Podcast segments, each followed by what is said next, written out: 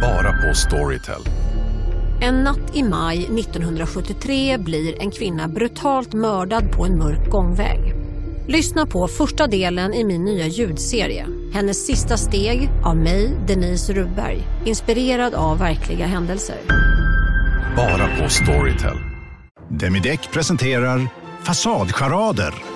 Dörrklockan. Du ska gå in där. Polis? Effektar? Nej, tennis tror jag. Pingvin. Alltså jag fattar inte att ni inte ser. Va? Nymålat. Men det var många år sedan vi målade. Demideckare målar gärna, men inte så ofta. Du lyssnar på en podd från Perfect Day. Eh, nej, det är knytnäve. Ja. jag tänkte bara så här, nu blev jag så här, hmm, det beror ju på the Jag älskar att du size of tänkte that på dick. det. Det var en massa följdfrågor. Vad är tillståndet? Vad är Och status? då blev jag så här, bara, då tänkte jag spontant att så här, nej det är större än så. Men, men, och så kom jag på, nej jag vill inte vara Nej, du får inte... nedvärderande Nej, för att även en, en, den storleken kan ju vara alldeles, alldeles underbar. Så att, Exakt, ja, det får ju vara lite PK här. det får vi vara, eller, Mm. eller absolut inte. Det är faktiskt syftet med att du är med Jana. Um, ja, nu, nu hör ju ni redan att det är någon här i studion och jag brukar ju vanligtvis presentera personen innan. Men, men det här är så härligt för att det här eh, säger också ganska mycket om, om dagens gäst för att det finns något väldigt bubbligt och energiskt över henne. Men innan vi hoppar in i det här bubblet så ska jag bara kort berätta lite om vem det är. Idag så sitter nämligen Johanna Hector mitt emot mig i den rosa sammetsfåtöljen och eh, jag tror att många av er känner till Johanna. Hon är eh, trebarnsmamma och har precis skaffat en hund. Låt oss prata lite mer om det sen. Ehm, hon är också grundare av Global Yoga och av Soul Club. Och Johanna är faktiskt en av de kvinnorna som jag ser upp till och inspireras som allra mest av. Och första gången jag träffade dig, det var på ett eh, jättestort event för Nike. Kommer du ihåg vilket år det här var nere vid eh, Riddarholmen någonstans? Tror jag Alltså, alltså jag kommer ihåg vädret, jag kommer ihåg dig, din syster, jag, jag kommer ihåg vad jag hade på mig, men jag har ingen aning om vilket år det var. Nej, men det var länge sedan. Alltså, det var jättelänge det var sedan. jätte, jättelänge sedan. jag tror att jag hade ett barn, så att, eh, vad är det, kanske åtta, Ja, något sånt. nio år sedan? Och jag tror att Nike hade då anordnat ett jättestort liksom, konvent egentligen, där man hade olika träningspass på olika delar i Stockholm. Ja. Och det var liksom tusentals kvinnor jag Ja. Icona Pop eh, spelar ju live Ja, till exakt. en Nej, klass. det var så Det häftig- var, det var helt okej. Ja, det, var, det var helt okej, det var helt okej, det var riktigt röj. Nej men då, hade ju du den här yogaklassen då ute på, eh, på Riddarholmen har jag för mig. Mm. Eh, och så hade de liksom byggt upp som någon typ av så platå eh, ut mot vattnet. Det var helt, helt fantastiskt. Med glastak. Ja, det var, precis. man var verkligen i alltså, naturen, havet. Det var eh, helt, helt otroligt. Och det, det var så här mitt första möte med dig, för du ledde den klassen då. Och jag kommer ihåg att jag var sådär, och Elin hade faktiskt koll på dig, för hon hade ju också jobbat med Nike då. Men när vi gick därifrån så var jag såhär, men vem, vem är den där kvinnan? Och så berättade hon ju lite om dig. Och det som, det som fastnade så mycket hos mig och som sen bara har liksom förstärkts genom åren, det var ju bara ditt, eh, din självklarhet, alltså din frihet i sättet som du var. Eh, och jag blev så inspirerad av det. Och om ni inte följer Johanna på Instagram så tycker jag verkligen att ni ska göra det. För där får man, jag skulle säga så här, du är det kontot som jag går till när jag behöver liksom gräva för att känna mig mer levande. Eh, där jag behöver hitta ja, men, eh, förankring och eh, komma tillbaka till mig själv. Då går jag ofta in på ditt konto och så är jag så här, ja, jo, mm, där är jag. Tack, nu börjar jag böla. Nej, jag men- tänkte så här, jag ska ta mascara idag eller inte. Tänkte här, vi kommer nog börja böla, men jag trodde inte att det var detta jag skulle böla för. men, innerligt tack, jag blev väldigt rörd. Ja men vad fint Johanna. Nej, men, och du ska verkligen eh, alltså, låt det få landa för att jag, är, jag tycker du är en sån enastående kvinna och det du gör genom att bara vara du är liksom, ja det behövs fler människor som dig. Så jag är så tacksam för att just du sitter här idag. Du ska ju eh, ska ju yoga senare idag, eller hur? Ja, en Ja. yogautbildning ska få utbilda yogalärare. Jag älskar att dyka djupt i den processen. Ja, vad fint. Mm. Ja, så nu är du faktiskt uppe i Stockholm, för du bor ju inte här. Du bor ju... Västkusten bor jag på. ja, jo men det kan jag. Ja, vi diskuterar.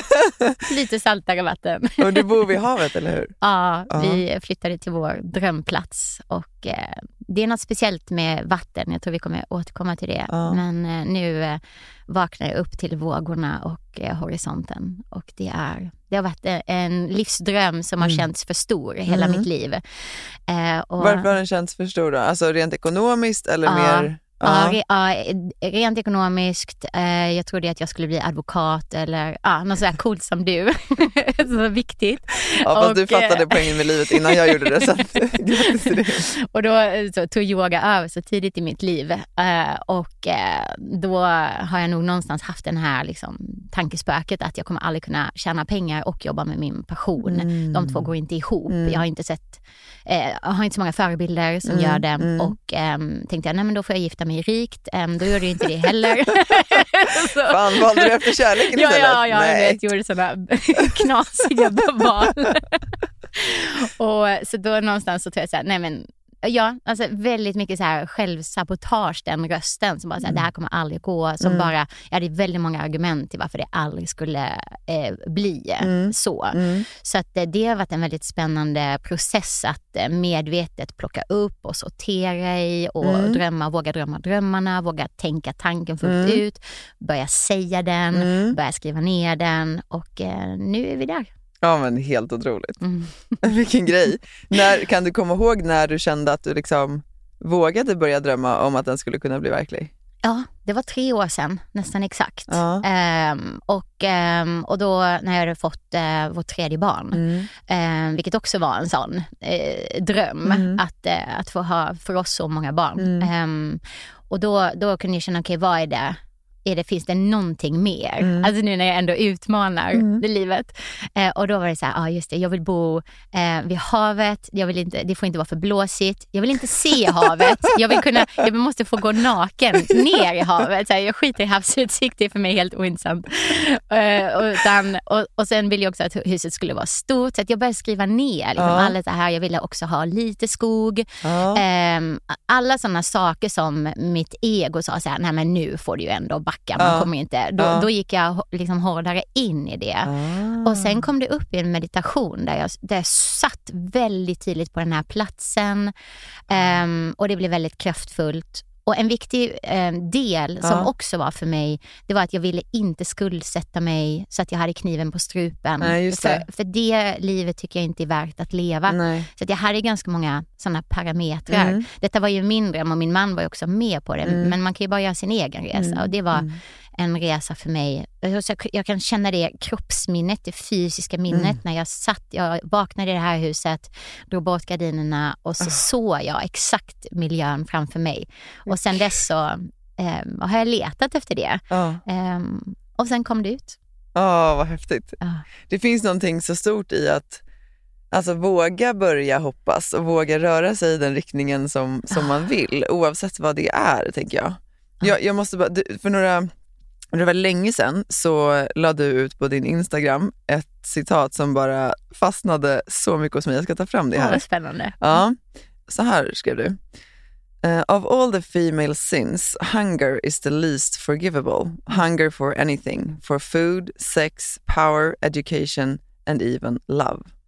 Och jag tyckte den var, ja det är så bra. Och jag tycker det är lite det du pratar om nu, är att så här, ja, men det, ditt ego sa till dig att så här, det här är du inte rätt att få. Mm. Kan vi inte liksom så stanna lite vid hunger? Vad, vad, Gåshud. Alltså det här är en sån game changer och ehm, när, det var en lärare som jag studerade med i New York, en Mm. kvinnlig lärare som eh, eh, har, har skrivit detta och pratar mycket om, om eh, hunger och hon Mm. pratar om desire Mm. bland annat. Eh, men just den här hungern och det blev så tydligt för mig hur hela mitt liv har eh, gått väldigt mycket ut på att eh, stå emot min hunger och att hur, hur mycket applåder jag har fått varje gång. Kan du inte ge exempel? Ja men allt, nej, men vi kan ta, börja i det fysiska. Mm. Alltså när jag hade ätstörning och Mm. eh, mina muskler blev mer definierade Mm. och jag gick ner i vikt och jag fick så mycket praise för det. Och att jag liksom kunde hålla mig, eh, hålla dieten. ja, för att kunde- du hade en snygg kropp? Ja, eller? mm. precis. Att, liksom, att inte äta, att Mm. inte Mm. eh, det. Ehm, så den här hungern att, att som kvinna sexuellt, Mm. alltså det är för mig ett jättestort ämne som jag och min man liksom hamnar in i igen och igen och igen. Mm. Där vi har pratat om, jag kommer ihåg första gången vi pratade om det, det var inför vårt bröllop när vi gick en coaching ett år Mm. i, inför bröllopet. Eh, och vi plockade upp det här med, med sex och hur Mm. tydligt Mm. det är hur, hur, hur jag, Mm. jag var så duktig på att inte ge bort min oskuld. Alltså jag var så duktig på att hålla mig Mm. så länge Mm. och de tjejerna som inte gjorde det, Mm. De var ju så här white trash, hora, Ja, slampa. det är helt bisarrt. Och man vill inte vara... Man vill inte vara en av det. dem. Nej, Nej, utan man vill ju hemskt. vara den här fina ja, ja, som kunde motstå den sexuella hungern. Och sen att vara liksom, att inte vara så sexuell, jättepositivt. För var man det så var man ju liksom älskad i en sekund, hatad i Mm, just hundra. det. Mm. Ehm, och just det här skeva hur en man, alltså mans hunger på sex, han Mm. blir kallad cool, Mm, den coola mm, killen som kunde ligga mm, med vem han ville, mm. som hade legat med så många, som hade så mycket erfarenhet, eh, han med så mycket makt, Mm. han med så mycket pengar, Mm. hon som är liksom så bra och valde att stanna hemma med barnen Mm. och hon som är så, liksom, så, så bra för att hon är inte så eh, greedy. Mm. Alltså i alla liksom, i, i shopping, i Mm. precis som du säger där så, så kunde jag känna så här att ja, varje gång som jag har varit stolt över mig Mm. själv, som är ett inlärt beteende, Mm. för det är inte min kropp som eh, Nej, nej, är ju. jublar. Det är ju samhället som har talat om för dig vad du ska vara stolt Johanna, över. och du la band på dig ja. Bra. Ja. Och också i den spirituella praktiken. Jag som hamnade Ja. in i yogan väldigt tidigt, så var det så otroligt bra liksom att ha, att inte jubla när det gick bra och att inte vara ledsen när det gick dåligt. Utan alltså, alltså att jag frånsade mig mina känslor, Ja, jag kunde lägga band på mig. Jag var liksom väldigt så här, lite pokerface, men Ja. alltså asketiska, ta Buddha avsa sig allt liksom och, Ah. och kunde ju leva väldigt Mm, asketiskt och fastnade inte i den Mm. här... Vi har så många historier, både tillbaka i, i religionen, Mm.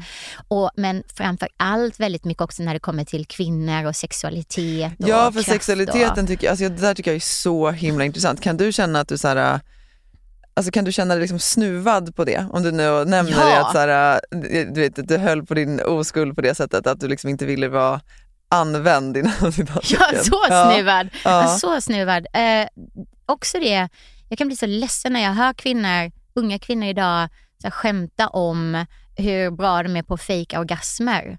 Alltså, det gör mig så Är ledsen. det en grej? Det har jag helt missat. Nej men jag har hört det, Ja. och bara lite så här att ja, om killar bara visste liksom hur bra vi är på att fejka det. Så känner jag så här, but you're missing out. Ja, ja, ja Alltså, gud. alltså, det- det- Nej, usch vad hemskt. Ja, för, för att det är så inpräntat i oss, Ja. tror jag, att vi vill bara att han ska ja, ha det skönt. vi ska tillfredsställa. Och vi ska tillfredsställa. Och, och sen alltså hur vi har det är helt så här sekundärt. Jag kommer ihåg när jag växte upp med Veckorevyn och sådana tidningar. Gud, ja. Det jag informerades om var att Det det- hur du skulle suga av. det var hur man skulle suga av. Men vet du vad, en av de som har, jag har tänkt på den senaste tiden var det att hur vanligt det är att kvinnor inte kan få orgasm. Mm. De här artiklarna där det stod så här att, bara så att du vet, du inte an-, och jag fattar att det var i all välmening. Men jag tror att för Mm. Men det är mig, inte sant. Nej det är inte sant och för mig blir det ju mer så här bara, ah, ja, jag är en sån som aldrig kan få orgasm så då utforskar inte jag det mer.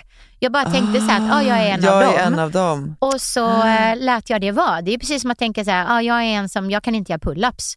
Nej men hur mycket tränar Nej, precis. Alltså, okay, då måste jag ge nästa Instagram-tips. Jag vet inte om du följer Kim Anami? Nej, Kim Anami. du? Ja, ja, ja. ja, ja. Nej, nej, alltså, för er som tycker att det här är spännande så måste ni eh, söka på henne på Instagram. Hon pratar ju om eh, gourmet sex Mm. eh, och hon, hon är, är ju alltså, oerhört kontroversiell på många sätt och vis men, men också, jag gillar henne. Eh, och hon Ja, pratar ju mycket om det här med att, eh, eh, att det finns liksom ingen orgasm som en kvinna inte kan få. Eh, utan det handlar, det. det handlar liksom om att så här, surrender, alltså släppa taget eh, och det handlar om övning. Mm. Eh, men, men det är precis som du säger, då måste vi också ge oss hän och utforska eh, och vilja göra det. För det är, också, och det är en sån sak som, som jag också tycker har varit så härligt när du pratar om det, för du har också väldigt öppet pratat om onani till exempel. Mm. Och det är också en sån grej som jag vet, alltså, jag och Elin pratade om det i något avsnitt också, att det var liksom ingenting som man pratade sinsemellan Nej. liksom, i, i tjejgänget när, när man var ung medan liksom, killarna de höll på med sin runka bulle och fan liksom. Ja, och det var coolt. Och, Ja. som, och, och som tjej så var det skamfyllt. Ja, eh, liksom. Ah, ah, eh, så jag, tycker det, jag har lärt mig så, så mycket Mm. ah, genom onani. Mm. Och, eh, och också när jag gav mig in i den här pussy power-världen och började prata mer om Mm. onani och jag vet att det var på en yogakonferens i Berlin som Mm. var ganska öppen. Då, fick jag, då hade jag ett eh, prat om Mm. pussy power. Mm. Då var det en tjej som frågade, eh, som hon sa, jag älskar onanera och så, men jag vet att det är så dåligt med sexleksaker, så kan du ge tips? Dåligt. Och, med sexleksaker? ja, varför skulle det vara dåligt? Ja, men för då igen är det i, alltså, lite i den världen, Ja. i yogavärlden och det finns en aspekt i den sexuella världen där det är att, eh, att det blir för mycket stimulans så att du kan inte, alltså att det blir, du blir Ja, det blir för... avtrubbad Det blir för aha, av det. Okej, jag fattar. och då, säg att du kör med världens bästa rabbit. Ja. den är en perfekt storlek, den Ja. har äh, jättehård frekvens. Mm. Ofta säger här, "Åh, jag kommer snart och så bara ökar man volym. Ja, just det, för att komma snabbare. för att Ja. komma snabbare. Jag menar det funkar ju inte riktigt så kanske med en partner. Nej. Alltså, man kan inte ha, så att jag kan förstå den Ja, aspekten just av att det. det blir lite, det är som att äta kanske lite lösgodis. Ja. Eh, alltså det är kortsiktigt väldigt tillfredsställande. Ja. Men Nej men det kommer inte leda till de riktigt Nej. djupa liksom, inre orgasmerna. Precis, Nej. men med det, så att jag förstår den aspekten av det. Men jag tycker det är synd för att då var det igen ett lager av skam. Ja, ja, ja. För man ville liksom göra Eh, Rätt man också. spirituellt, eh, sp- eh, onanera spirituellt korrekt. det är så många lager. Vi är sådana mentala varelser, det är helt sjukt. Ja det är sjukt. Det är sjukt. Det är ju också ett av de svåraste hindren när det kommer till sexuell njutning tycker jag själv. I att, så här, att även om man så här, vill vara 100% närvarande Ja. så är ju alltså, samtiden ibland gör det ju svårt. Alltså så här, vänta fan var det imorgon och skulle på utflykt? Eller eh, nej vänta nu det kanske var nästa vecka. Eller vänta har vi, har vi avbokat simträning? Alltså, du vet, Ja. det, är liksom, det är ibland svårt att bara vara så här, nu är jag bara här. Ja, men det är vi ju nästan aldrig och då är det ju, ta då alltså sex eller eh, sex till, till och med med en partner där vi redan har svårt att vara med oss själva Mm. i nuet. Då ska vi vara med en annan människa i nuet eh, och så är det lite skamfyllt och förväntningar och, och så, alltså det blir så många lager av det. Så det är ju, det är därför tycker jag det är väldigt viktigt att öva. Mm. Alltså öva, öva med onani. Det är ett så himla fint sätt att öva. Ja, men, om du känner att du måste ha porrfilm, ja men börja med det då. Mm. Men sen nästa steg är att öva Säg det är som pull-ups med gummiband. det är liksom, ja, man behöver assist. Liksom.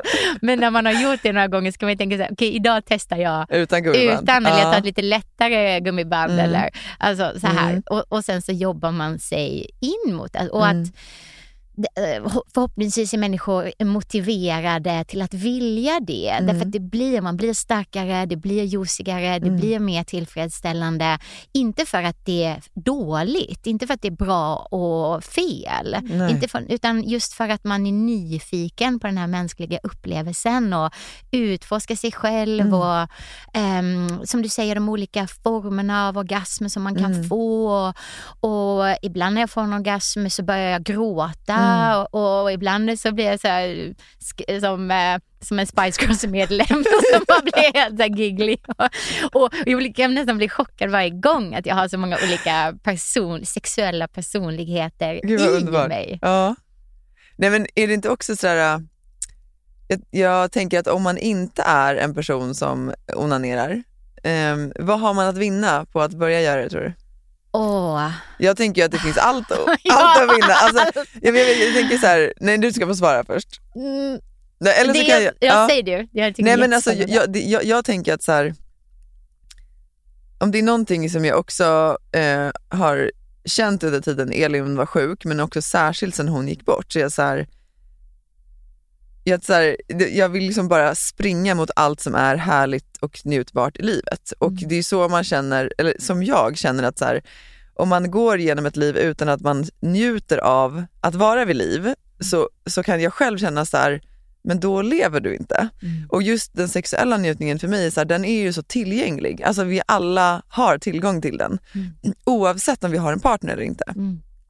Och att då liksom inte så här vältra sig i den eller gräva ner sig i den, det, det, det är en förlust tänker jag. Ja. Och jag tänker att liksom, det gör att vi känner oss mer vitala, mer livskraftiga, mer lyckliga. Alltså det, Ja. liksom, det, det, det skapar någonting i oss i att så här, också få kontakt med vår egen energi på ett sätt som är Mm. otrolig. Ex, exakt så är det. Det ser man ju på en av mina favoritböcker eh, som är skriven av Jamie Wheel som heter Stealing Fire.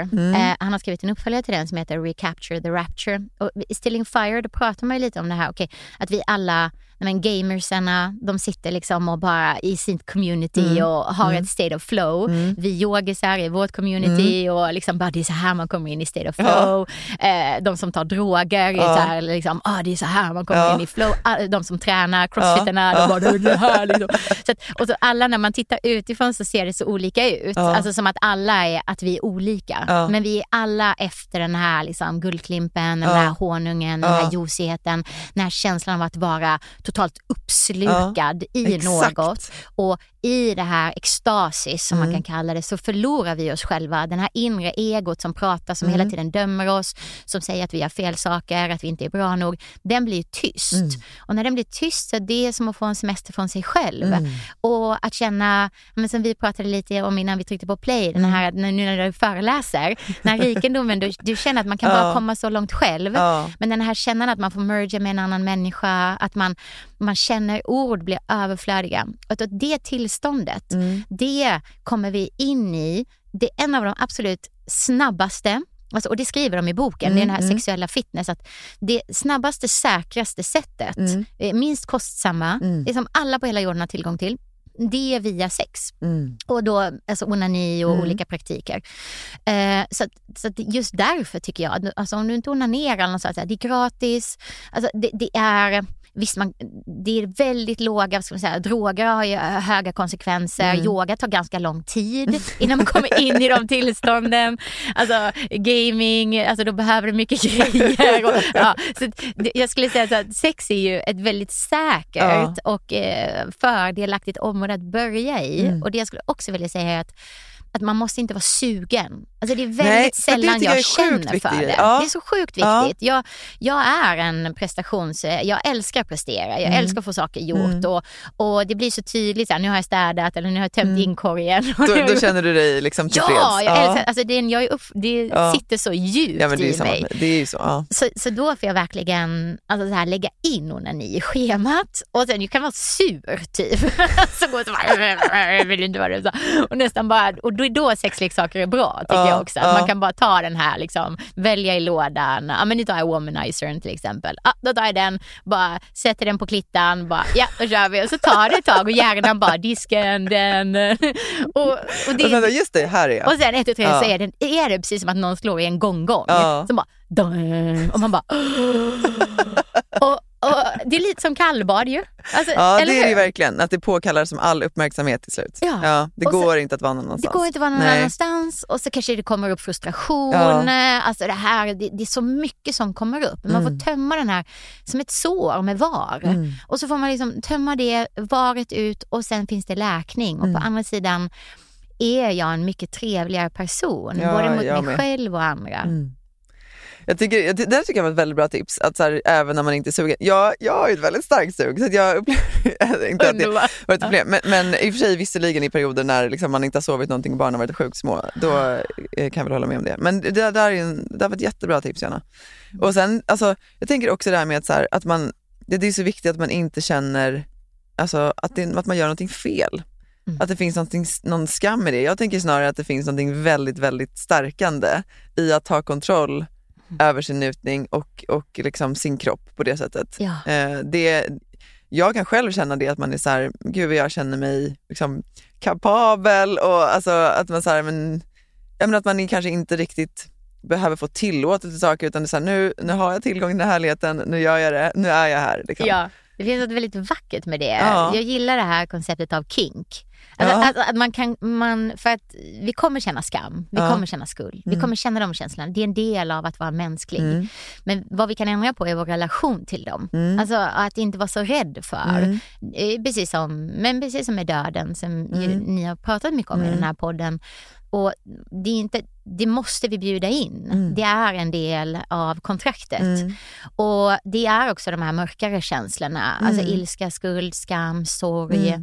Mm. Eh, och vägen, vad jag tycker är väldigt givande, är att hitta instrument eller ord, alltså semantik, Mm. eller som kan bjuda in det Mm. och göra det eh, som någonting som leder framåt och Mm. leder vidare. Och då gillar jag det här konceptet av att det kan vara lite kinky, att man kan gå, man kan gå igång på sin egen skam. Att, Ja. att man, eh, det är precis som BDSM och alla de här olika formerna, Ja. att man, man, kanske, man går igång på att bli lite dominerad Ja. eller man går igång på att dominera någon annan istället för att känna skam och skuld över att man är så bossig. Mm. Så, eh, Mm, alltså, det finns så här det. Ja. lager av det. Och i, i den yogiska principen alltså, är det hela grunden. Att man, man är medveten om att jag är ett vittne Ja. till allt. Så att, och så länge jag kan vara i vittnesrollen, då ser jag att det inte är jag. Alltså då identifierar jag och då är det någonting mer jag kan spela med, jag kan leka med. Och hela syftet med allt vi gör i yogan är ju att påminna oss själva om att komma tillbaka till det här icke-dualistiska Ja. tillståndet Ja. där, vi är. Mm. Vi är vittnet, Ja. vad vi än vill kalla det, själen. Mm, Mm. mm. Och utifrån den platsen, när vi har tillgång till den, är det mycket roligare att vara människa. Mm. Eh, för vi är människor så kort stund. Ja, alltså så försvinnande kort stund.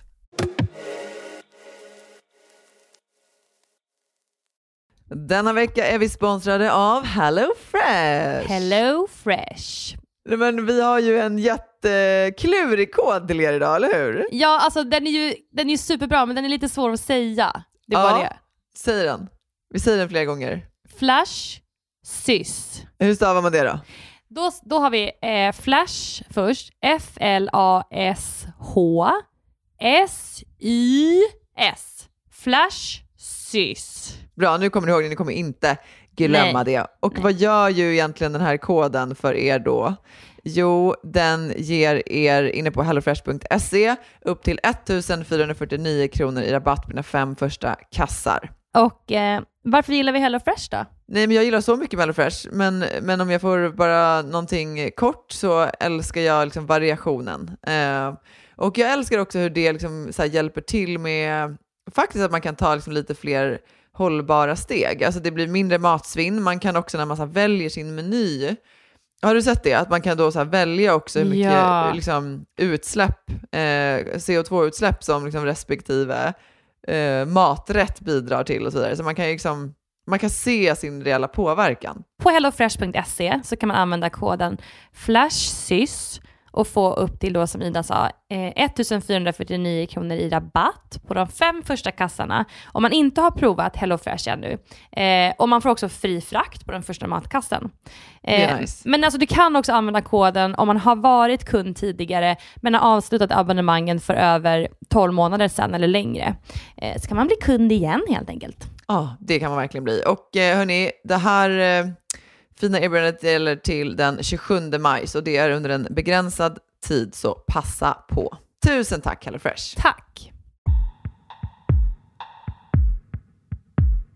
Och du har ju också eh, varit med om alltså, stor sorg. Din pappa gick ju bort för några år sedan, är det nu eller? Ja, 2005. Ja. Mm. Vill du berätta lite om det? För det var ju också sådär, han var ju sjuk länge, men det var mycket ovisshet kring det, kommer jag ihåg. Ja, Ja. Det var... ehm, han fick en diagnos först. Han hade varit i Australien så de trodde han hade fått malaria för han Mm. tappade balansen och det började så. Jag var ju ganska ung fortfarande och eh, självcentrerad som man ju med all rätt som barn är. Så jag kommer inte ihåg så mycket detaljer så jag ber om ursäkt till människor som undrar. Men eh, ur mitt perspektiv, så som jag kommer ihåg det, Mm. eh, så blev han, det tog ett tag, mamma och pappa hade separerat och jag tror jag var 12 kanske Mm. och när jag var 13, något sånt, 14 kanske, nej 13, då eh, satt mamma och pappa ner med oss och berättade att pappa var sjuk. Mm. Ehm, och eh, jag tror vi tänkte inte så mycket mer på det utan det började märkas här att han, eh, han började fisa liksom, in public, vilket var ju sjukt pinsamt. Jag kommer ihåg, jag bara såhär, men pappa. och, eh, och sen började han bli lite sluddrig på talet Ja. eh, och få lite dålig balans. Men det Mm. var det som jag la märke till då. Mm. Sen gick det mm, i några år och vi, vi bodde i Lund. Mm. hade en jättefin läkare i Lund. ehm, och sen fick vi höra det att det var, han fick en diagnos då. Och Mm. den är en jättelång bokstavskombination som jag aldrig kommer ihåg. Och just då var det kanske 0,05 procent i hela världen. Så att det fanns något fall i ehm, USA, alltså bara några få fall. Ja, det. Ja.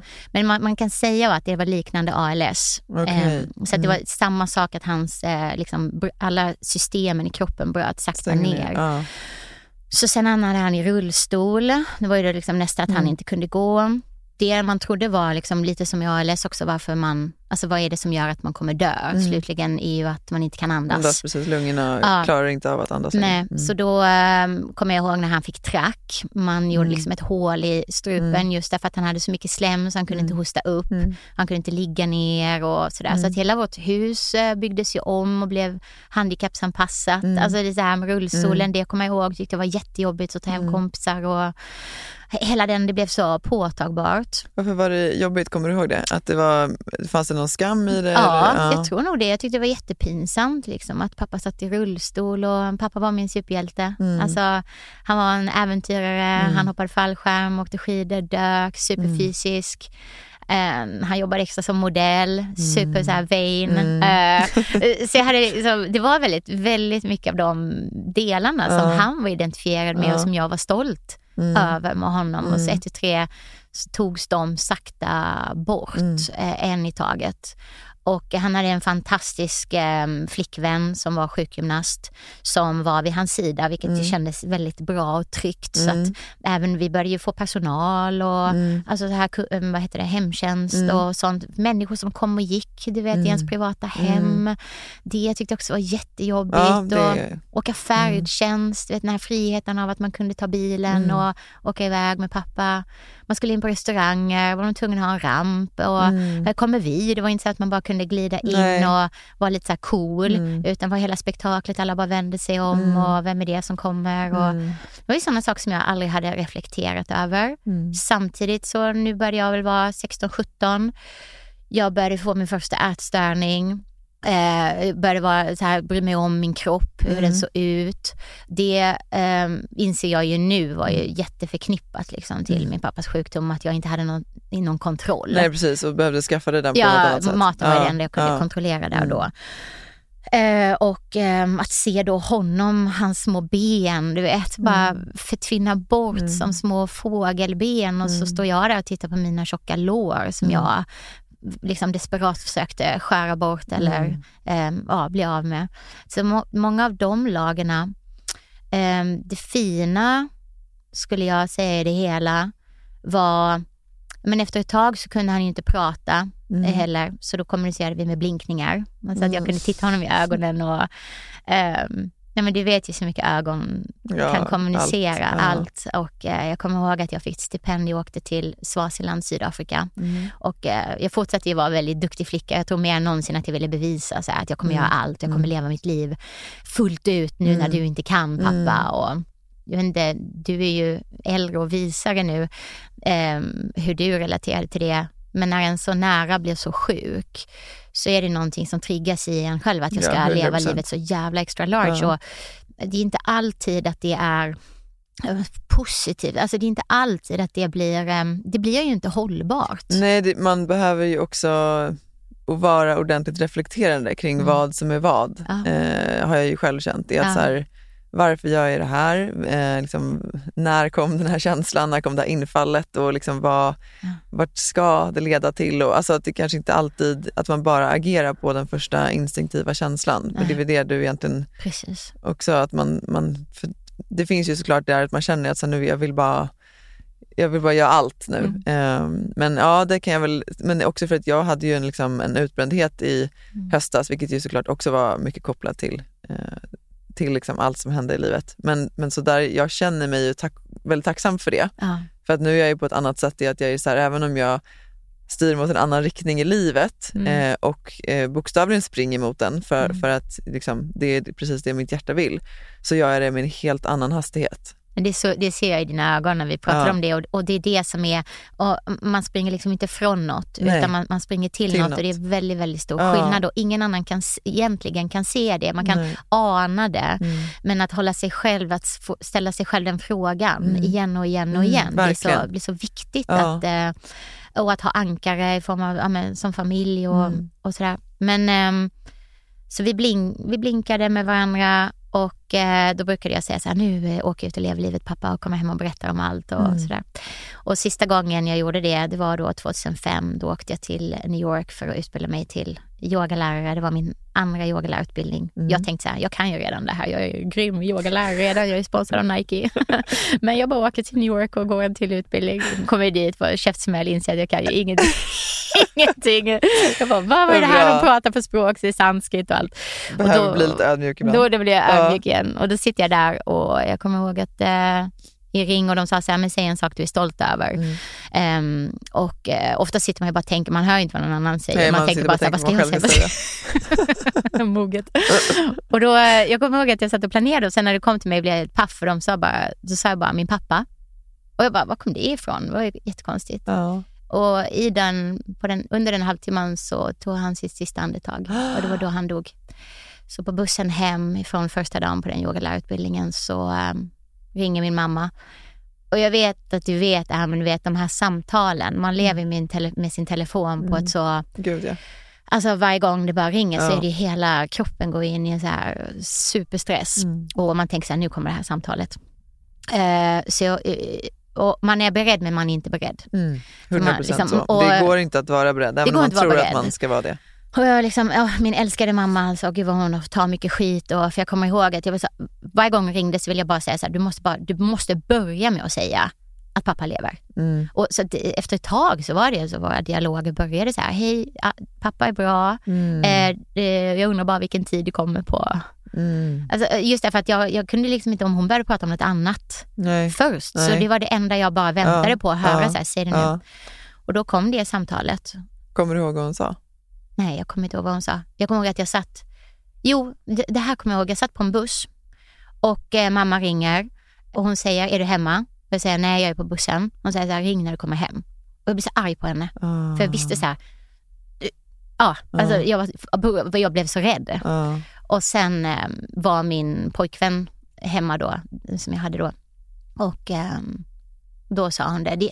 Nu när vi sitter här och pratar om det känns helt overkligt. Jag kommer ihåg att, nej jag ville bara lägga mig ner. Jag kände, och jag hade också planerat lite för den stunden. Jag vet Ja. inte hur det var för dig.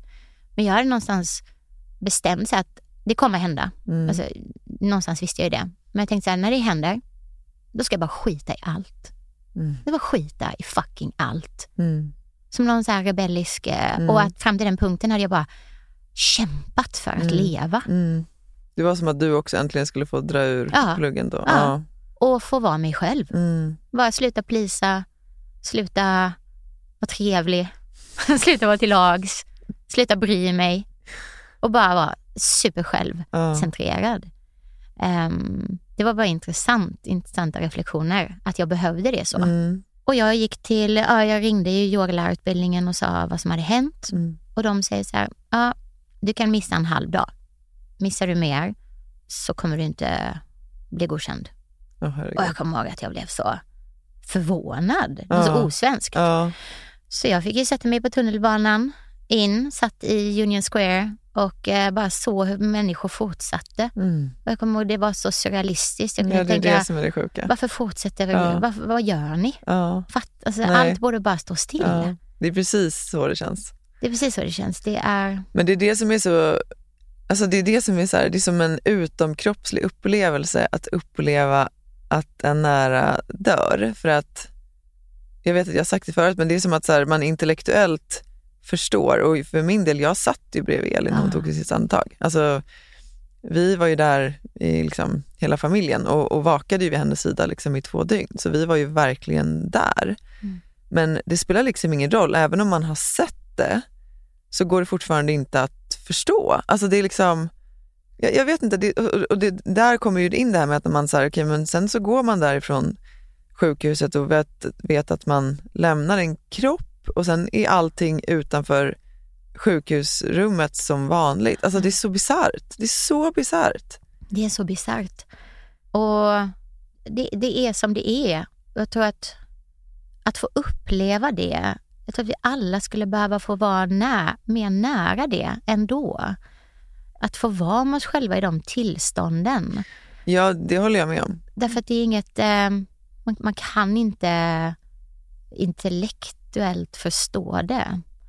Och menar, om jag skulle gå tillbaka till det så är det det jag har med mig och varför jag kan jobba med yoga på heltid efter alla dessa år är att det hjälper mig att vara i den här vittnesrollen. Mm. Och inte att jag blir mindre mänsklig, men att jag kan vilja dyka in i min mänsklighet Mm. med hår och, och hull. ehm, istället för att vara så dömande och arg på att det fortsätter. Mm. Ehm, att, och att jag kan känna empati oftare nu tack vare att vi får ha det här samtalet, Mm. tack vare att du fortsätter med den här podden. Att jag önskar att, tänk om vi hade möjligheten att vara lite mer vakna i mötena med andra människor för att du vet, vi vet inte. De som går på gatan, Mm.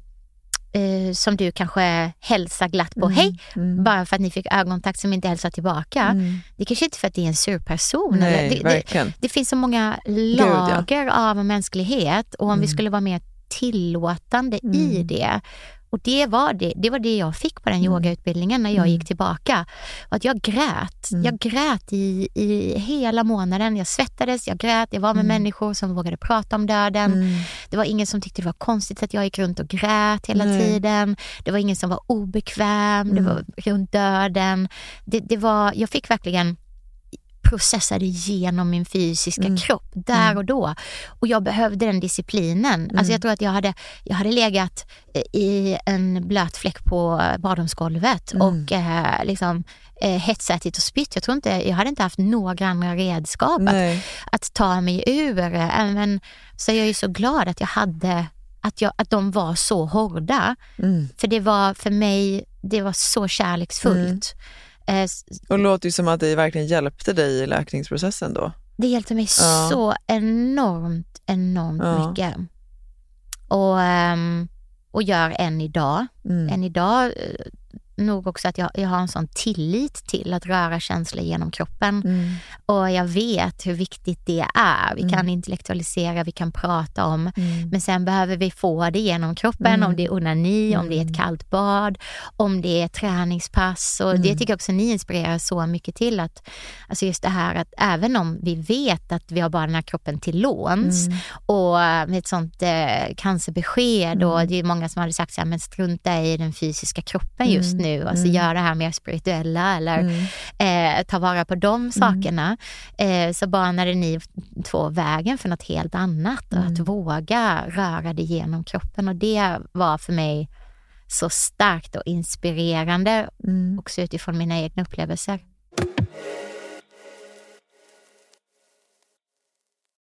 jag, jag tycker det är så fint när du berättar om att du var på ett space där liksom folk inte var rädda för att prata om döden och att det liksom inte var någonting konstigt.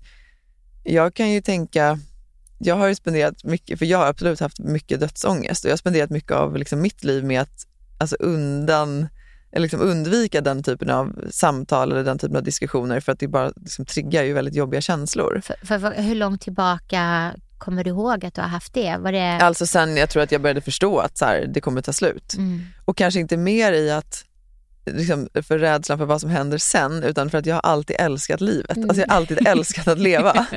Och jag vet att många har varit såhär, fan livet är ju tufft. Ja, det kan det vara och, och det finns så mycket hemskheter på planeten och, och vi förlorar våra nära och det, kommer, det är mycket som gör ont.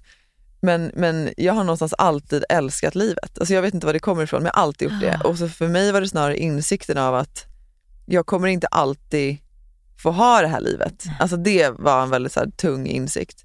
Men det som jag tycker har varit intressant med det här nu när vi har liksom levt så nära döden och också att så här, få sitta i det där rummet och bokstavligen se, för för mig var det så extremt tydligt att alltså, själen tog Ja. en annan väg. Liksom. Alltså att energin skiftade. Mm. Det blev väldigt tydligt att det var liksom, alltså att hon lämnade sin kropp. Mm. Och det kan jag känna en enorm tacksamhet för. Alltså för att det har snarare gjort att du vet, allting var så lugnt och fridfullt och inte obehagligt. Alltså det var fruktansvärt sorgligt men samtidigt så var det liksom, det, det här kommer låta så sjukt men det kändes naturligt. I min värld låter det så vackert och eh, två år efter att min pappa dog, så 2007, Mm. min mamma hade en ny eh, Mm. man. Eh, då dog han i cancer. Den nya mannen. Ja, eh, Bernt som hon levde med. Så han var ju som en pappa till oss också. Eh, Ja. Vi växte upp med honom, Ja. speciellt min lillebror. Och då var jag också i rummet när han, eh, när det sista andetaget, eh, den sista utandningen ju, som Mm. det är. Exakt. Och ehm, jag relaterar, jag är så, så tacksam Mm. för att jag fick vara, vara där Mm. och vara med honom. Och ehm, Jag lyssnade tidigare på Ramdas som är en av mina stora Mm. förebilder och Mm. lärare som jag lyssnar på. Han, han, lyssnar ju, äh, han pratar ju väldigt mycket om döden och, Mm. och ha- han, han hade ju en period i sitt liv då han liksom försökte ta varje chans att få vara med människor när de dog. Alltså det var Mm. hans största passion därför att han kände att han fick vara i närheten av sanning. Eh, Men jag kan verkligen relatera till det. Han pratar om det att i dagens, i alla fall i vårt västerländska samhälle, så är vi inte... Alltså det finns medelålders människor som aldrig har varit med en människa som har dött. Nej, så är det. Och, och det är för mig sjukt. Mm. Det, så det, är, och det gör ju att den här rädslan för döden Mm. och våran, vad vi, våran filosofi och Mm. allt det här blir bara fabricerat. Mm. För det, det är det jag, jag hör när du säger att det var Mm. så naturligt. Mm. Och det är ju så det ska vara. Ja men det är för att det är inte så vi har sett det på film. Alltså det är de gånger Ja. vi har kommit i kontakt med det. Liksom. Ja. Eh, Och vad är det läskigaste i en skräckfilm? Jo, fram tills dess att man har sett monstret.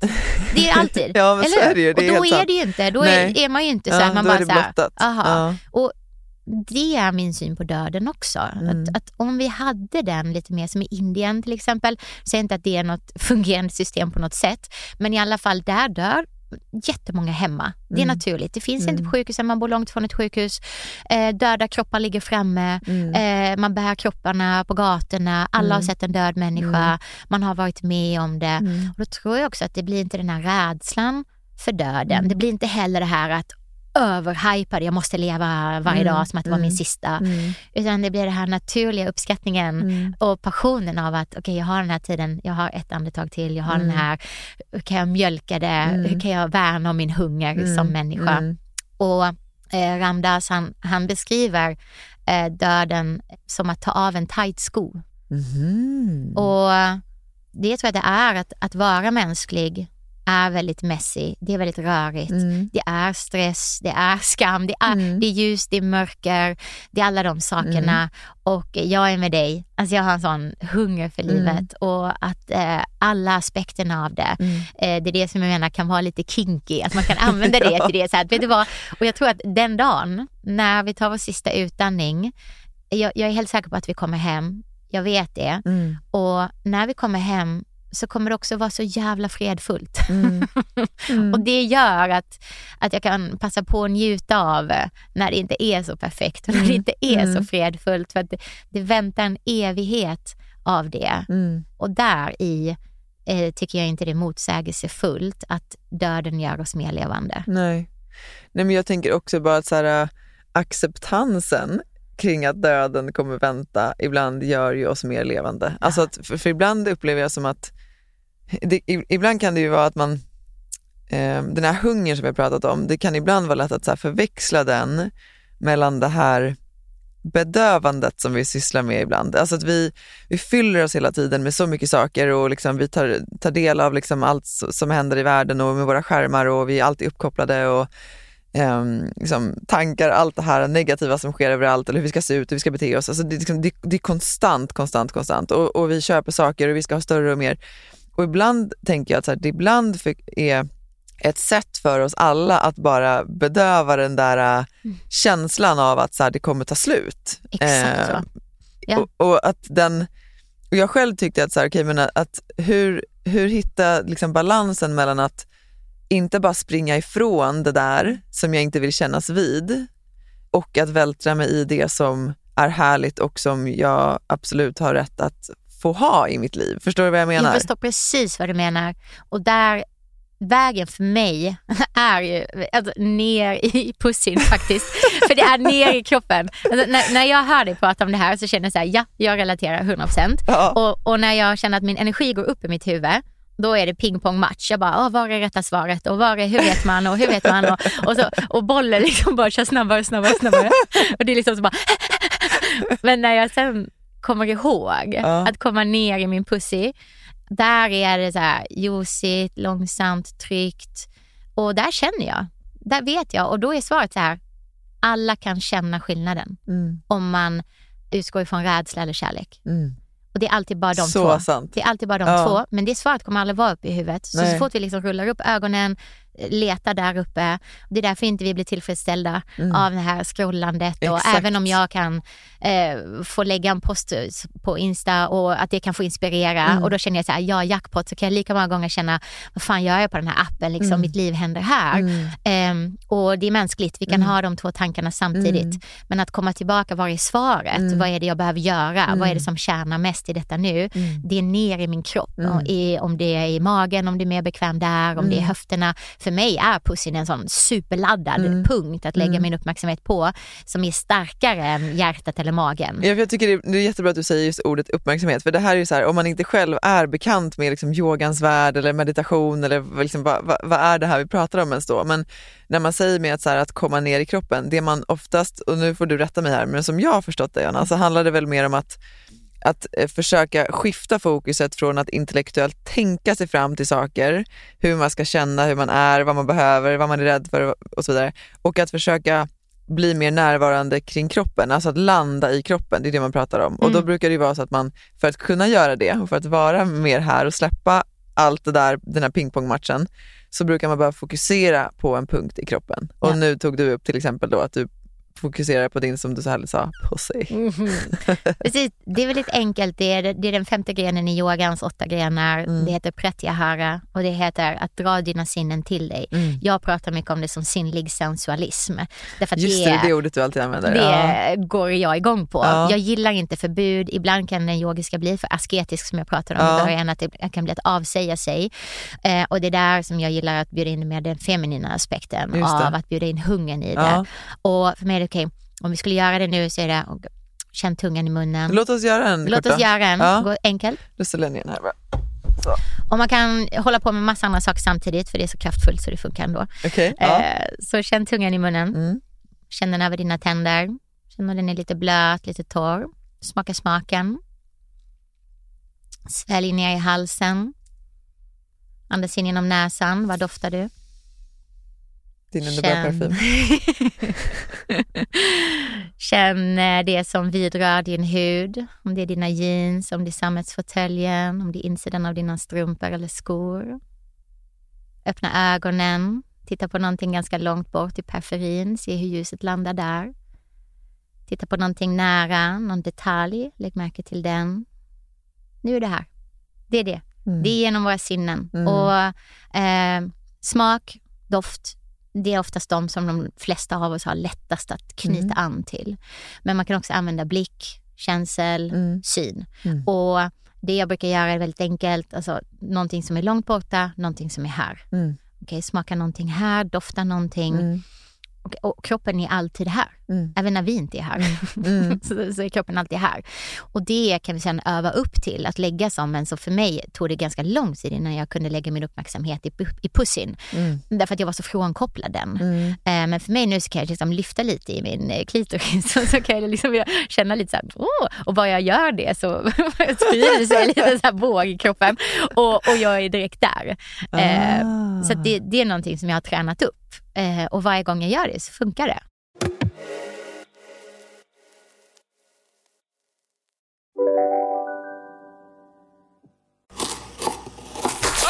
Dåliga vibrationer är att skära av sig tummen i köket. Ja! Bra vibrationer är att du har en tumme till och kan scrolla vidare. Få bra vibrationer med Vimla. Mobiloperatören med Sveriges nöjdaste kunder enligt SKI. Om en yogamatta är på väg till dig, som gör att du för första gången hittar ditt inre lugn och gör dig befordrad på jobbet men du tackar nej för du drivs inte längre av prestation. Då finns det flera smarta sätt att beställa hem din yogamatta på. Som till våra paketboxar till exempel. Hälsningar Postnord. Det där var för att uppmärksamma er på att McDonalds nu ger fina deals i sin app till alla som slänger sin takeaway förpackning på rätt ställe. Även om skräpet kommer från andra snabbmatsrestauranger som exempelvis Mac eller till exempel Burger...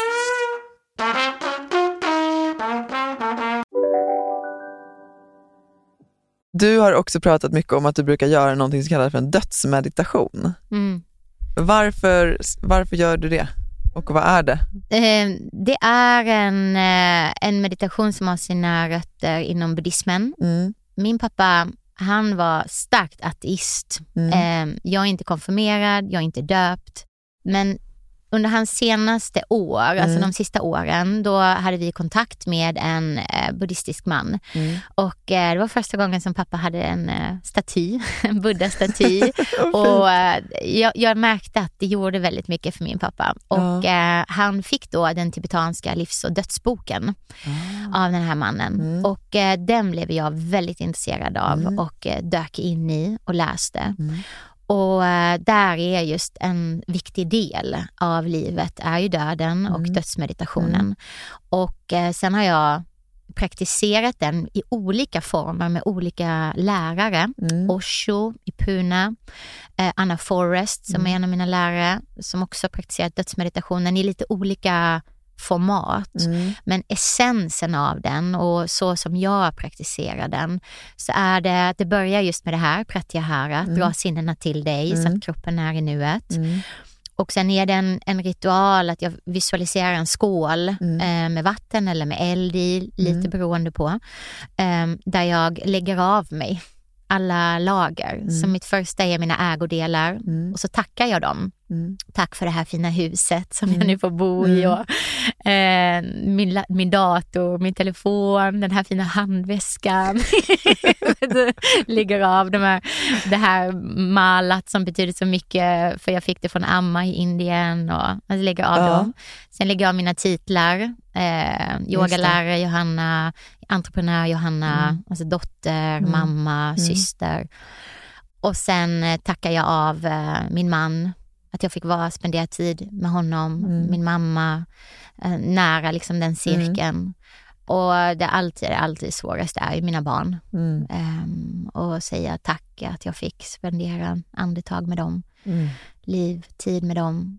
Och det, processen blir ju bara svårare och svårare. Ehm, och det är som att jag klär av mig. Alltså Mm. det är som att jag backar ur min mänsklighet skulle jag Mm. säga. Eh, och det är så olika från gång till gång. Ibland är det alltså, djupt glädjefyllt och andra gånger är det jätte, jättejobbigt och lite ångestframkallande. Mm. Eh, och det som är att jag har gjort så många gånger är att det finns en stadighet att bara sitta med det som är. Mm. Och det, det jag landar i är den här vittnesrollen. Att, eh, att det är ja, som att ta av sig den här tajta skon. Att, Mm. att det, jag fick ta del av dem. Och så landar jag i det här större. Jag sätter upp händerna så här för för mig Mm. är det som att ha ett vattenfall bakom ryggen. Mm. Och du känner vattenfallet, det är där. Mm. Och du behöver inte vända dig om och så backar du in i det. Så varje steg är att backa Mm. hem i det här vattenfallet av ren livskraft som bara flödar. Mm. Och eh, ibland är vi så långt fram i livet. Mm. Så, eh, så det, det är så långt borta och då Mm. blir vi ofta trötta. Det känns som att vi jobbar i motvind hela tiden. Det Mm. känns som att världen är emot oss. Mm. Eh, det är mycket rädsla. Mm. Men så fort jag backar tillbaka och jag har det här vattenfallet i ryggen, det nästan rinner över Mm. halva kroppen. Då är jag genuint, genuint djupt tillfredsställd, genuint tacksam, genuint närvarande. Det är det som dödsmeditationen gör för mig. Ja, för det är en väldigt, alltså, på tal om allt vi har pratat om, döden också. Och det är ju, jag menar, jag tycker fortfarande att det är obehagligt på många sätt, men, men har fått liksom ett mer lugn kring det också. Men det är fortfarande en väldigt, liksom, det är en modig sak att göra den typen av meditation. Alltså att, så här, att, att eh, vad ska man säga då, att aktivt välja att gå in i det eh, Mm. på det sättet. Jag tror aldrig jag har sett det som modigt, men det, det är nog när min pappa fick sin sjukdom och han dog, jag var så arg på livet, jag kände att jag hade inga val, jag hade inget att säga till om. Mm. Jag kunde inte välja, jag hade aldrig valt det.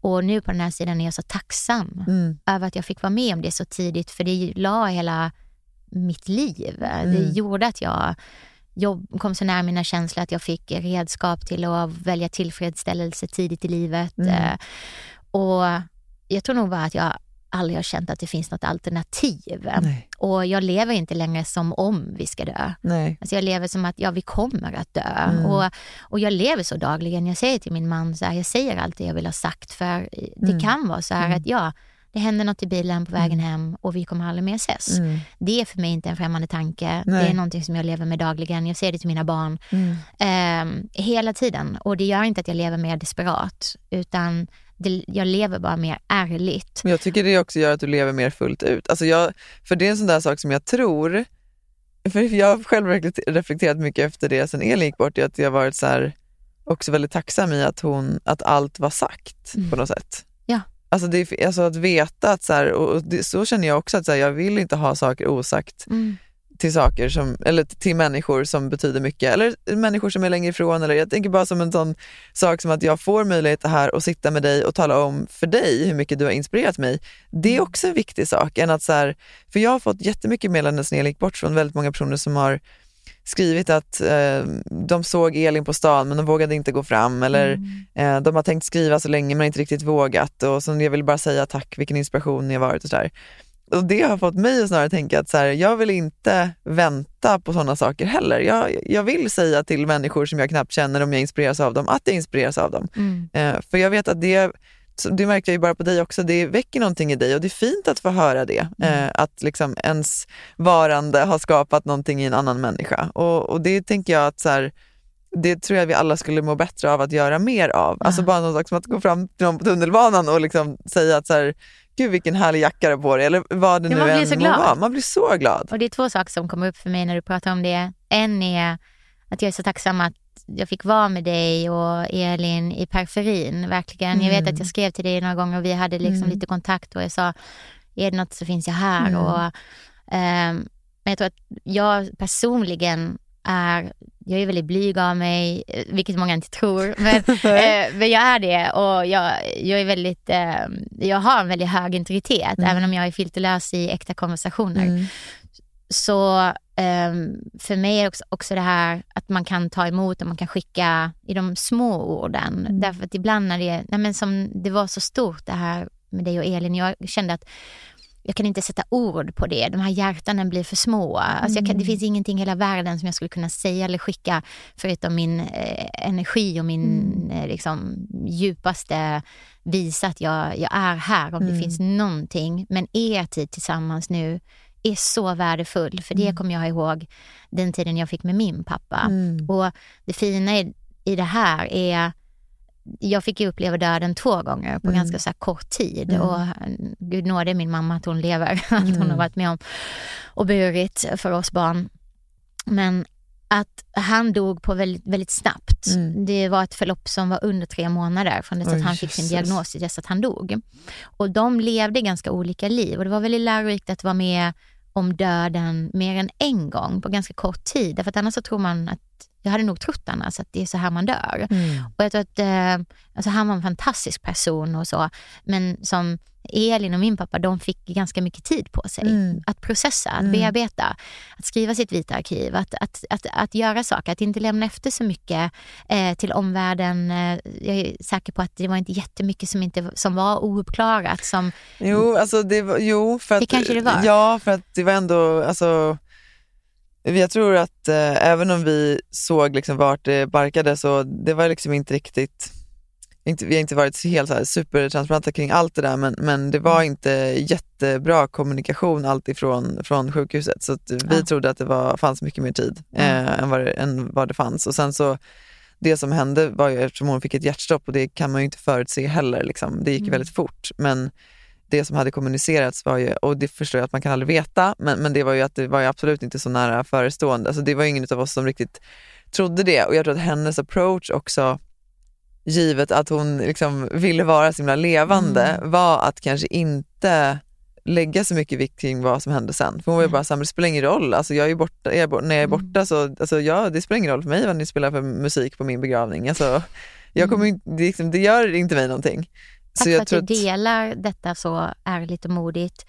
Det var en aspekt som jag, när jag fick inbjudan Mm. och sitta här och prata med dig så tänkte jag på några saker som, jag har varit med i andra poddar men det här var alltså självklart ja för mig och en så viktig podd att få vara med i. Och då var det två saker som jag inte har pratat om som jag jättegärna skulle vilja ta upp. Mm. Och den ena är just det, att skriva, alltså att förbereda Mm. eh, till alla. Mm. inte ni där ute som har en dödsdiagnos, Mm. utan för det har vi alla. Mm. Att skriva sitt vita arkiv, alltså att göra Ja, när man det. inte är sjuk. Alltså, ja, tror jag, innan man, framförallt. ja, Ja. framförallt. Att Mm. eh, ha klart ditt testamente. Mm. Alltså, oavsett om du är gift eller inte eller partner. Så, okej. Och var tydlig, speciellt också om man lämnar efter sig kanske barn och Mm. familj. okej, som bara säger, men hur ville hon bli begravd? Eller ville hon bli kremerad? Mm. Eller där? Eller, Mm. Så var jättetydlig, skriv ner det. För det är det mest kärleksfulla man kan göra till dem. För att även om du inte bryr dig, Mm. eh, för att du kommer ju vara long gone, så är det så otroligt kärleksfullt mot de man lämnar efter sig. Att för jag har upplevt det och planera begravningar och hur ska det vara och vem gör vad och eh, var ska den begravas och Mm. alla de här aspekterna. Och sen också, har man bostad, är det arv? Mm. börja sortera, alltså rensa hemma. Ja, alltså det, det blir som ytterligare en knasigt, grej att, men- att behöva hantera, vilket ju också såklart liksom är tungt. Mm. Men jag kan också känna, för jag, jag har tänkt så mycket på det sättet också, att jag varit så här, men det är så man ska göra och, och jag vet att jag och Elin, liksom, vi var och tassade kring de där samtalen några gånger och jag har försökt inleda det men, men det var, hon var liksom inte där och, och jag kan samtidigt känna att jag har liksom nu en också större respekt för att det finns någonting i att vi levde ju som i parallella universum, alltså där hennes skulle ta slut, hennes liv skulle ta slut och mitt skulle inte göra det. Eh, och jag kan känna en enorm ödmjukhet inför att hon inte ville prata om när det var slut.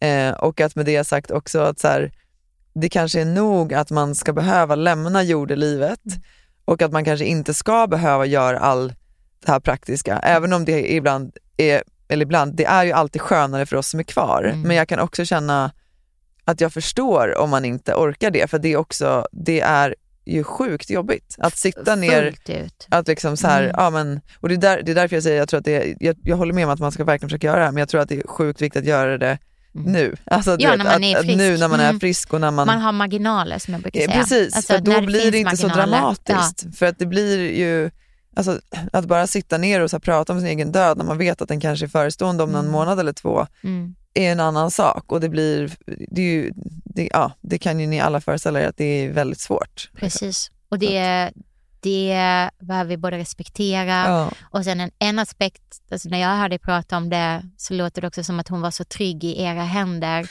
Ja. Och att även om ni inte hade processat och skrivit just alla de sakerna så hade ni gjort så mycket annat som gjorde Mm. kanske att de sakerna ändå på vissa delar kändes lätta. Mm. Eh, under förutsättningarna. Ja, och det är ju också såklart eftersom så här, vi, alltså, vi, många i familjen var ju väldigt nära Elin, så det var Mm. inte, det är samma sak som så med hennes begravning blev ju också, det är liksom alla som var där var ju bara så här, men gud det var ju Elin, alltså hur, Ja. ni har ju liksom, det var ju bara en, en liksom, ceremoni med bara henne, det fanns liksom ingen, inte en minut som inte genomsyrades av henne. Nej. Och det var ju bara Mm. så här, så som vi hade skapat det för så som vi kände henne och det hade lika gärna kunnat vara någonting hon hade skrivit själv, tror jag. Och det, det är väl också en aspekt av det att komma ihåg att när man, när man gör den här förberedelsen eller skriver sitt testament eller bestämmer Mm. så kan man ju också, man kan också skriva så här, gör det precis som ni vill. Mm. Alltså, men, men det är också Mm. ett sätt att att säg, s- vara Mm. kärleksfullt tydlig. Mm.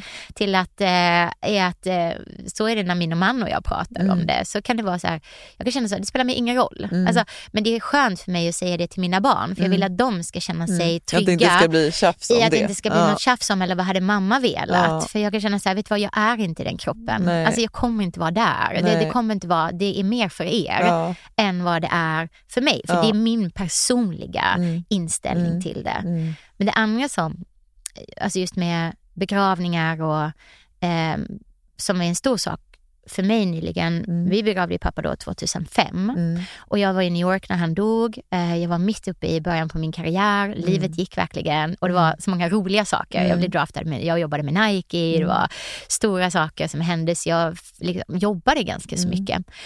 Så min mamma gjorde ju begravningen och jag kom ner att det var precis en, en lucka liksom. Ah, men när kan du komma ner? Och, Mm. Alltså nu låter det helt sjukt, Mm. men det var så mitt liv Mm. eh, var. Jag var 22. Och eh, sen, han begravdes i Lund. Eh, det var en fantastiskt vacker eh, begravning. Mm. Så starkt och jobbigt på alla sätt. Jag kommer ihåg prästen sa fel namn på mig. och det var så kul för att det var så klassisk pappas humor. Att han liksom, han hade, jag kunde se att han liksom låg bara ho, ho, ho, ho, i kistan. Var asgammal. Han hade tyckt det var så kul. Eh, så det, det, är liksom, det är som att han var verkligen där med ett finger i spelet, sån trickster. Herregud. men men sen alltså, jag, nu, nu bor jag i Göteborg Ja. och, eh, och jag har alltid känt så här att hans eh, gravplats i Lund, att jag har alltid känt så här lite dåligt samvete över att eh, men han hade ingen gravsten nu utan vi skulle göra det sen och så Ja. kom inte det. Och, ja, eh, och vem sköter den och jag Just får då det. den här fakturan. Och, Mm. och så började jag nu med egna barn och okej, jag tänkte så här, men vad händer när jag dör? Ja. Kommer mina barn få den fakturan för gravskötsel? Eller? Och det är också sånt som man inte tänker Nej. på när det, när det kommer till döden. Och, och det är någonting som de senaste tre åren har jag tänkt jättemycket på. Ja. Alltså just det här med gravplatser och så som vårt liv ser ut nu Ja. för tiden. Kommer vi besöka gravplatser? Men vet du, jag tycker det här är så intressant, för kan inte du, för jag, alltså, jag känner ju så, så himla starkt att en gravplats, alltså det är ju inte, det är inte där Elin kommer vila. Alltså hon kommer ha en grav, hon har en gravplats, men för mig är det ju inte där hon vilar. Hon vilar ju i mig, hon vilar i naturen, i skogen, i havet, alltså Mm. öv, överallt vilar hon. Så för mig har det inte varit att så här, jag har ju inte känt egentligen att jag har velat liksom gå till graven för att sitta. Alltså hon är alltid med mig. Mm. Men jag förstår att det, kan, det finns en poäng i att så här, det finns en plats dit man kan gå och sörja. Ja. Men, men hittills har inte jag känt att så här, okay, jag går dit för att vara med henne. Nej. Utan för mig är det att så här, jag går utanför dörren Ja. För att vara med henne. Ja, Och då är jag med henne. Ja. Alltså, eller att jag liksom är närvarande och då är Mm. hon också där. precis. Ja. Och jag relaterar så Mm. till det. Jag är med min pappa på så många platser. Mm. Ehm, och, men där kan jag som person vara lite så obstinat och ifrågasättande av liksom lite gamla system och med Mm. alltså kyrkogården och varför, vem, vem, varför har vi då den Mm. här platsen? För men min lillebror går inte dit och Nej. mamma går inte dit. Och, Nej. Alltså är det för någon annan vi har den? Mm. Och jag är väl Ja, jag gillar att ifrågasätta väldigt Ja. mycket varför man gör saker och att det ska ha ett syfte. Och annars så vill jag, ja det är sånt som tar lite energi. Alltså då vill Mm. jag gå, gå in i det och Mm. se, är det på grund av rädsla? Är det på grund Mm. av skam? Vill jag Mm. vara en duktig flicka som Mm. har kvar graven? Vad är det? Och det är så otroligt fin stöttande familj så jag började bolla det med min Mm. lillebror och vad tycker du och med min mamma och försöka hitta liksom, vem går till den här graven? Är Mm. det någon som är där? Och jag går ju dit med mina döttrar därför att det är en väldigt fysisk plats för Mm. dem att prata om att här Mm. ligger Hasse och, och de bara, ligger han där? Och jag bara, nej men alltså, det kommer upp så många roliga frågor. Så är vi med Lasses pappa också. Ja. Vi, går ju varje sommar. Liksom. Det är väldigt eh, Ja, fint med fint, barn. ja. De är ju de bästa Ja. att vara på. Samtidigt som det också är väldigt abstrakt. Så vadå, var ligger farfar? Varför ligger han under Ja. gräset? Ja, för Alltså, det är ju abstrakt. Ja, det är alltså, det är ju jätteknasigt. Men det var ju så som vi levde våra liv då.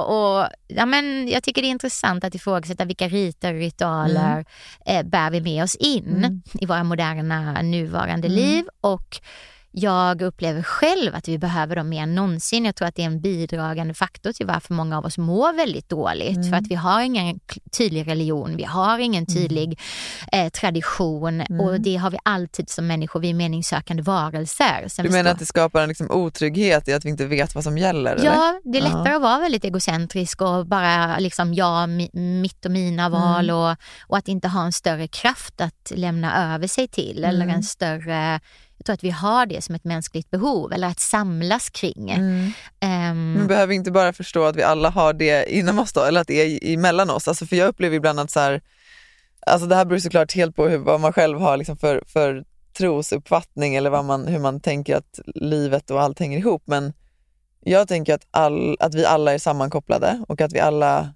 liksom, vi alla hör ihop på ett eller annat sätt. mm, Och att liksom, kärleken någonstans är poängen och syftet med livet. mm, Ehm, och att den finns inom oss alla, men, men att vi kanske snarare är så avskärmade så att vi har liksom tappat bort det. Alltså jag, det här är ju extremt liksom killgissande på, på hög nivå, men jag kan ibland känna att så här, det är det som jag menar, så här, skapar så mycket polariserande och alltså, man ska tycka på ett visst sätt eller annars är det fel. Eller, mm. alltså, det, liksom, det, det skapar så mycket separation när vi liksom är så frånkopplade från oss själva. Mm. Och, och för mig är det så här, vi själva bär på det här storheten eller det som är större, nästa energi eller vad det nu är. Alltså jag tror att det finns redan i oss. Mm.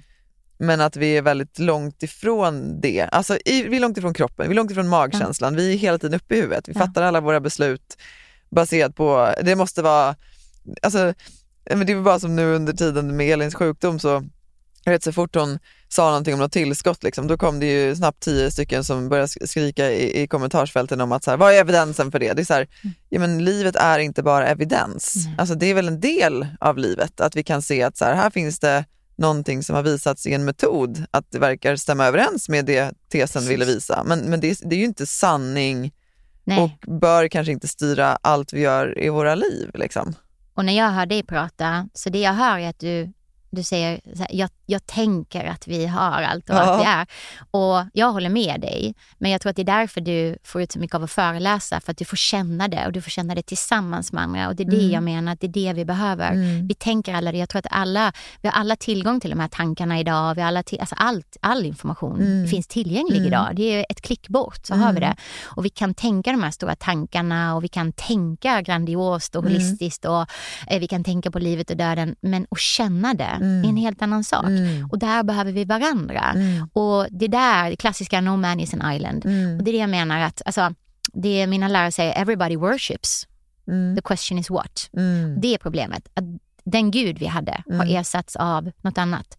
Och är Just du inte medveten om vad du tillber, det är farligt. För Mm. då tillber vi konsumtion, Just då tillber vi alltså, ehm, prestation. Att Yta, prestation, det, makt. det, ja, det är jag far, fattar. det, jag menar att det är läskigt på det sättet om, om vi tror att vi inte behöver religion. Mm. Så jag säger så här, jag, jag, jag är inte religiös, jag, Mm. men jag är djupt spirituell. Mm. Och jag behöver gemenskap. Mm. När jag har en 100%. Soulwork Club-klass, du Ja, ja, Nike-klassen, det är för mig kyrka. Ja. Det är för mig att gå i kyrka. Och det är det jag menar, vi behöver gå i kyrka. När du Mm. håller en föreläsning, det är att gå i kyrkan, om vi tar den Mm. liksom, Mm. liknelsen. Eh, och det är det faran med pandemin nu, att vi kan vara Mm. på Zoom och vi kan få hintar av det. Mm. Men vi behöver också få komma och känna det i våra fysiska kroppar, Gud, där vi doftar samma dofter, ja. där vi har Mm. samma temperatur, samma Mm. luftfuktighet, samma ljus som faller. Mm. Så att våra sinnen badar i det här Mm. tillsammans. Och det är det jag menar i det. Och det älskar jag med det nya samhället och Mm. med tiden vi lever i. Mm. Jag tycker att vi lever i den bästa tiden någonsin. Om jag skulle få välja att leva när som helst skulle jag välja att leva nu. Verkligen 100%. Så det är inte att jag vill gå tillbaka till något. Men jag vill lyfta det att för mig var det ett jättestort steg. Nu är det inte det, men Nej. det krävdes jättemycket. För, för ett år sedan Ja. så begravde jag min pappa. Ah. Och det var det starkaste för mig. Det var en game changer. Och jag tyckte det var så intressant för jag reflekterade så mycket och just den här ifrågasättandet av gravsten och börja ringa kyrkan och fråga. För, för mig Mm. att få ställa de här frågorna, vad händer när jag dör? Vad händer? Mm. Hur länge är graven kvar? Vad händer? Flyttas han? Alltså, Mm. Jag ville bara veta alla de här Mm. sakerna. Jag visste inte det. Mm. Och då att komma på det att nej men jag och min man, vi gifte oss 2018. Mm. Vi har varit gifta i fem år nu. Mm. Varje år så förnyar vi våra löften. Alltså det är så självklart. Det är ju inne, det är ju ganska så vanligt. Det ser Ja. man ju liksom i Hollywood och de här, så här five year anniversary bröllop och alltså folk gör så coola grejer. Ja. Så varför gör vi inte det med begravningar? Alltså, så för mig var det så här, varför gör jag, förnyar jag inte mina ord till min pappa? När han dog, det var 2005. Det, han var sjuk, det var så traumatiskt. Ja. På så kort tid så ska man säga alla sina ord, man ska vara i den ceremonin. Mm. Jag minns bara att prästen sa fel namn. Ja. Jag minns att vi spelade Ev- Eva Cassidy, Fields of Gold. Spelade ni den på din Ja, också? och jag läste fint. Ja. när, när, ja, det var så, den låten. Ja, den är helt speciellt. fantastisk. Min, min lillebror eh, spelade Cat Stevens, Father of a Son. Det var, Ja. Vi hade Braveheart-temat. Alltså, jag minns musiken. Men jag kunde också känna att pappa, det är så många saker som jag har kvar att säga dig. Ja. Och jag vill ha dig så nära. Och nu när vi, pappa är föddes på västkusten, jag är uppväxt på somrarna uppe på Orust. Ja. Och eh, när vi flyttade dit och vi är ute på havet så bara känner jag, och när jag går på en viss stig, det är vita blommor. Och jag bara känner så här, pappa är här, här. Och det är här han vill vila. Han hade aldrig velat lega på en, Nej. och jag vet att han inte är där, men Nej. för mig var det Ja, symboliskt. ja. Så starkt. Så vi plockade upp eh, jorden och eh, Wow. tog med honom ut och gjorde en ceremoni. Och nu fick mina barn vara med också. Ja. För de undrar ju så här, vad är morfar och hur var begravningen? Och. De var inte med. Och Nej. de valde Lejonkungen, Molly kan ju den här Känn en doft. Och, du vet, vi fick spela låtar igen och vi fick säga Gud, ord. Och min man fick vara med. Ja. Han har aldrig träffat min pappa. Nej. Han fick säga ord till min pappa. Alltså det var så starkt. Och det var så otroligt och jag menar, vi bara hittade på det. Ja. Du vet, vi tog inte upp hans aska. Jag hämtade lite jord Ja. och la i en fin kruka.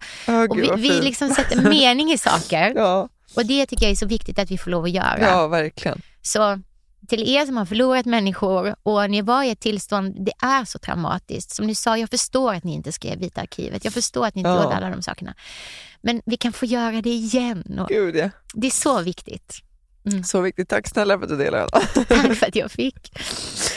Ja, livet. Puff. Ja, verkligen. Hörrni, vi ska avsluta nu för Johanna ska vidare och sprida sin energi till andra människor. Men Johanna, jag vill verkligen tacka dig för att, eh, för att du var med. Tusen tack Tusen, för att tusen jag får vara här och tack för precis, precis allt. Precis så som det är. There ain't no reason things are this way. It's how they always been and they intend to stay. I can't explain why we live this way. We do it every day. Preachers on the podium speaking of saints. Prophets on the sidewalk begging for change. Old ladies laughing from the fire. Den här podcasten är producerad av Perfect Day Media.